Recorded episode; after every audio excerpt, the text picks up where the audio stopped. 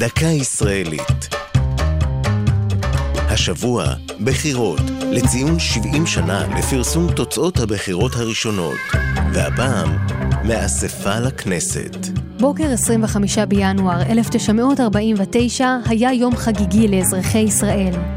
כמעט חצי מיליון ישראלים יצאו לקלפיות, ובפעם הראשונה השתתפו בבחירות דמוקרטיות.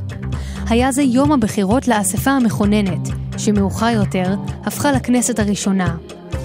בהתאם להכרזת העצמאות, חברי מועצת המדינה הזמנית החליטו שבבחירות הראשונות ייבחר גוף שעליו יוטל לחוקק את חוקת המדינה החדשה. לאחר חקיקת החוקה, אמור היה הגוף להתפזר, ולאחריו היו אמורות להיערך בחירות כלליות נוספות, שבהן ייבחר בית הנבחרים.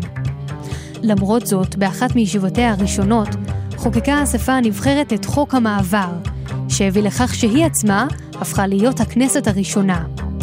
21 רשימות התמודדו בבחירות הללו, בהן הצביעו 440 אלף ישראלים, שהיו 87% מבעלי זכות הבחירה. תוצאות הבחירות הראשונות פורסמו בראשית פברואר, והן לא הפתיעו איש. מפא"י, מפלגת פועלי ארץ ישראל, זכתה ברוב גדול, 46 חברי כנסת. מפה משמאל זכתה ל-19 מושבים, וחירות מימין ל-14. את המפלגות הדתיות והחרדיות ייצגו בכנסת הראשונה 16 מחוקקים.